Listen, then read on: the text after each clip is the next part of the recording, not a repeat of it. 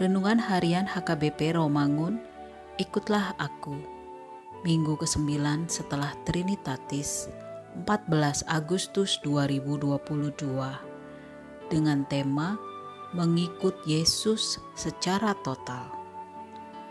Bacaan epistel kita hari ini dari Mazmur pasal 82 ayat 1 sampai dengan 8 dan Bacaan Evangelium kita hari ini dari Lukas pasal 12 ayat 49 sampai dengan 53 yang berbunyi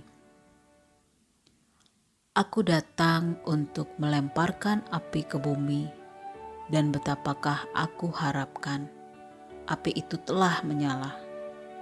Aku harus menerima baptisan dan betapakah susahnya hatiku sebelum hal itu berlangsung. Kamu menyangka bahwa aku datang untuk membawa damai di atas bumi?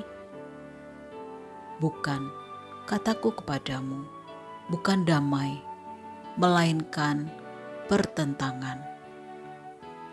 Karena mulai dari sekarang akan ada pertentangan antara lima orang di dalam satu rumah tiga melawan dua, dan dua melawan saat tiga. Mereka akan saling bertentangan. Ayah melawan anaknya laki-laki, dan anak laki-laki melawan ayahnya. Ibu melawan anak perempuan, dan anak perempuan melawan ibunya. Ibu mertua melawan menantunya perempuan dan menantu perempuan melawan ibu mertuanya. Demikian firman Tuhan. Sahabat, ikutlah aku yang dikasihi Tuhan Yesus. Apakah Tuhan Yesus menginginkan kekacauan bagi keluarga kita?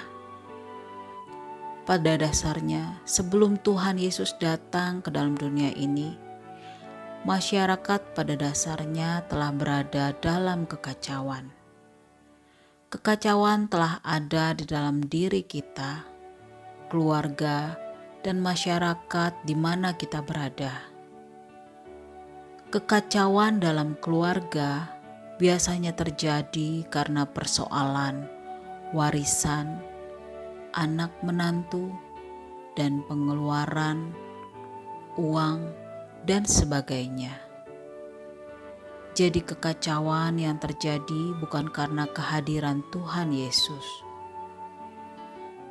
Tuhan Yesus datang ke dunia ini membawa ajaran baru tentang kerajaan Allah, tentang cinta kasih, dan tentang persaudaraan. Tuhan Yesus mengizinkan adanya pertentangan yang akan terjadi tetapi bukan pertentangan siapa menang atau kalah, bukan pertentangan persoalan kekuasaan atau kekayaan, tetapi pertentangan untuk mencari kebenaran di dalam Dia.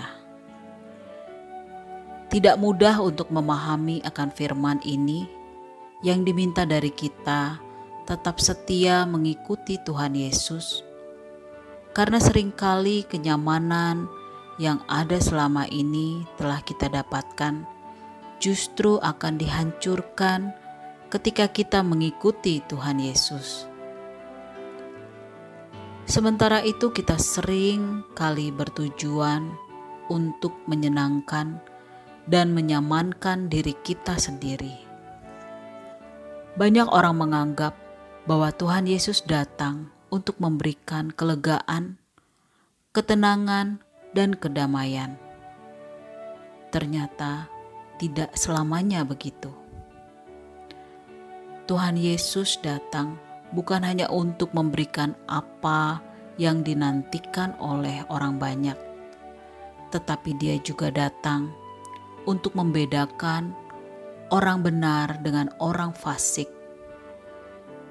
Mengikuti Yesus tidak berarti menyingkirkan keluarga Justru mengikuti Tuhan Yesus merupakan jalan untuk menyempurnakan keluarga kita Karena semakin kita mengikuti Tuhan Yesus, maka kita semakin dipenuhi kasih-Nya untuk melakukannya kepada keluarga kita.